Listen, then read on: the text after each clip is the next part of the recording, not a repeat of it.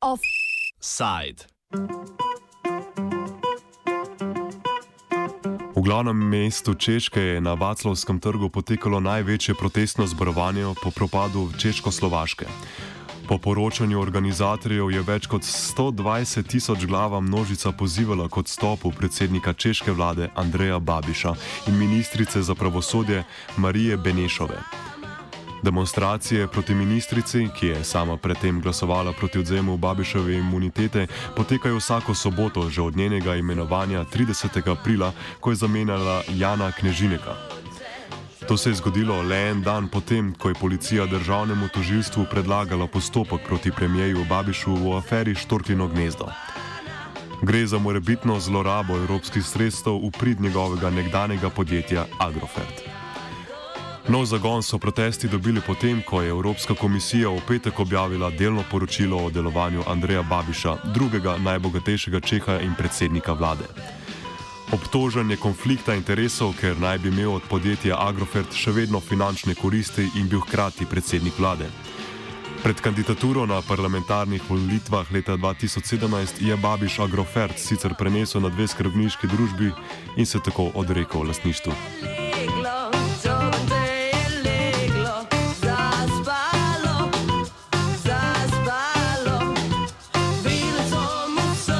Agrofert, ki združuje 230 podjetij v kmetijski, kemijski in predelovalni panogi, je javnosti že dolgo znan kot porabnik javnih sredstev.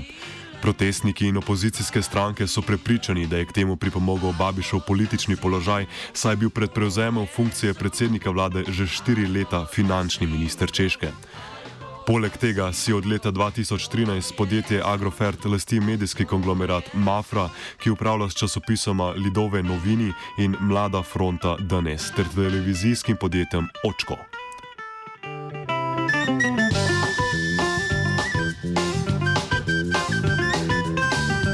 Politično zgodovino in delovanje Andreja Babiša predstavi Vladimir Buhar, strokovnjak za politične študije z Mesarijakove univerze v Brnu. The whole history of Andrej Babiš as a politician began in 2011 uh, because uh, in 2011 he set up a small political movement. It's called ANO. In in English, we would say it's like yes. It's an uh, it's an uh, it's a word for agreement for agreeing, and uh, in 2013, after the government has fallen in Czech, Republic. Andrej Babiš uh, was uh, really successful because from actually from nothing he got about 20% and he became second in the general election for the Chamber of Deputies of our parliament of Czech Parliament and uh, he became a member of the government. What's more, in 2017, when this government has ended, regularly ended, not fallen, but ended, the uh, Andrej Babiš uh, became the first in the general election, and he uh, he was about to to set up the government on him on himself, uh, but he got 30 percent, the highest the highest result in the election, 30 percent the second one got 13% and so on and so on.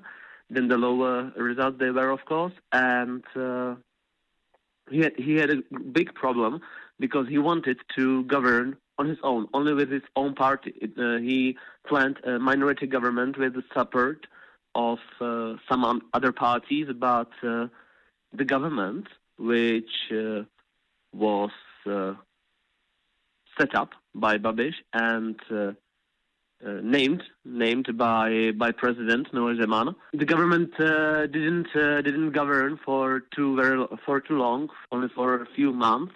It was about uh, one uh, one year and two months, I think. Yeah, and then he had to had to set up a new government, so it was a second government. Ob vsem političnem delovanju so Babiša vedno spremljale pravne težave. Od leta 2013 javnost opozarja na očitni konflikt interesov. Tega preizkuje tudi Evropska komisija, ki je v delnem poročilu prejšnji petek prek Babiša spoznala za krivega. Če v končnem poročilu ne bo sprememb, bo Češka morala vrniti več kot 17 milijonov evrov evropskih subvencij, ki jih je prejel uradno ne več Babišov Agrofert. Do takrat bo odgovor na delno poročilo morala podati češka vlada. Buhar opiše vpliv poročila Evropske komisije na protestno dogajanje v Pragi. There, there has already been uh, five great or big, big protests, but the last one uh, was uh, really influenced by the by the by the opinion of the European Commission that was sent to Czech Republic last week.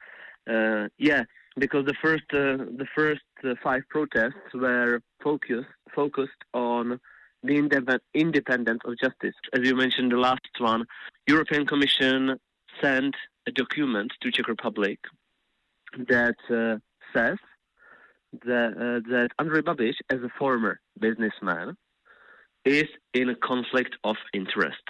Actually, it's uh, it's a topic that's uh, often often mentioned in Czech Republic since 2013, since the very beginning of uh, the highest uh, political uh, highest political successes of Andrej Babiš, I would say. But when when the European Commission sent the document, it became it became much more important, or it became much more clear, much clearer for for many people that Andrej Babiš is really in a conflict of his interest because in a few years ago, due to uh, due to many other chambers of deputies of the opposition, uh, Andrej Babiš shouldn't own the Agrofert, the company, uh, he, he, because if he owned it, he could uh, he could influence the political um, the political spheres and the legislation itself to to help his company. V znak nasprotovanja protestu je Andrej Babiš le nekaj ur pred njegovim začetkom odprl parlamentarno debato glede poročila Evropske komisije. Na njem je zagovarjal stališče, da je to poročilo napad na državo Češko. Pojasni Buhar. From this uh, quote, this Andrej Babiš said that it's an attack to the Czech Republic. It's clear how Andrej Babiš thinks uh, about about uh, him as a prime minister and about uh, about governing. It's clear that any any attack directed to Andrej Babiš is, in his point of view, I suppose, and I really think he believes it. I think it's real. It's real point of view. It's not some populism. It's not uh, just a simple, simple uh, try to to scare anybody he, I think he really believes that once he's a prime minister and somebody tries to say he is a threat, there's something that's not okay about him. I think he really thinks that it's an it's an attack against Czech Republic. Nedavni največji protest je organizirala študentska skupina Milijon trenutkov za demokracijo, ki je vodila tudi proteste preteklih nekaj sobot v Pragi. Organizatorska skupina pa za zdaj nima poenotenih ciljev, če bi njihove demonstracije uspele. To je, če Andrej Babiš odstopi kljub zagotovilom, da tega ne bo storil. Yeah, that's, uh, that's very funny because uh, there are no official plans.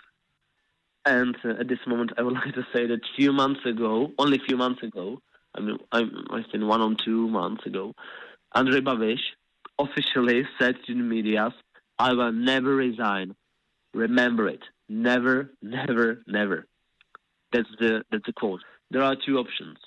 The first one is that the that because uh, if Andrej Babiš left uh, the position of uh, prime prime minister, uh, according to our our legislation, uh, the whole government should should end. It's not needed uh, because the formulation is not very clear. That's one of the problems. But the whole government should end. Then the election should be uh, should be organized.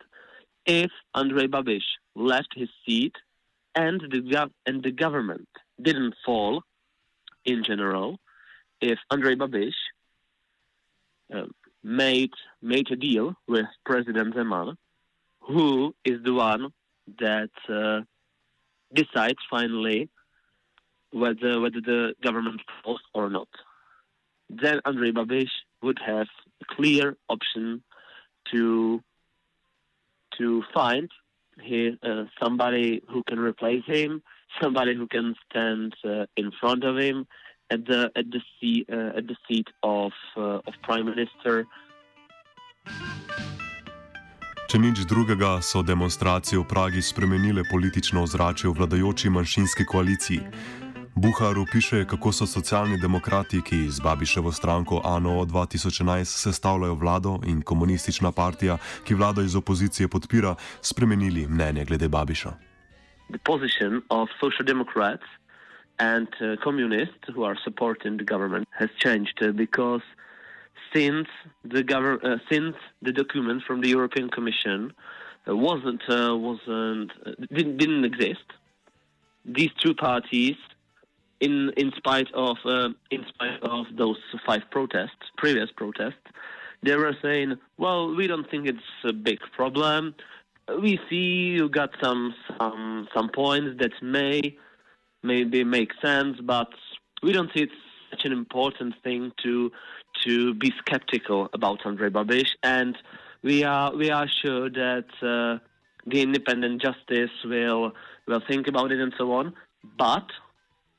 when the when the document came to Czech Republic, even these two, even these two parties started to say, well, yeah, it's really it's really uh, it's very important to talk about it.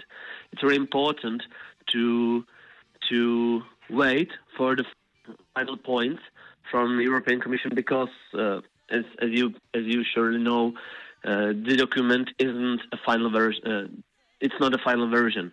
The final version will arrive many months later after Czech Republic will make uh, its own opinion about it.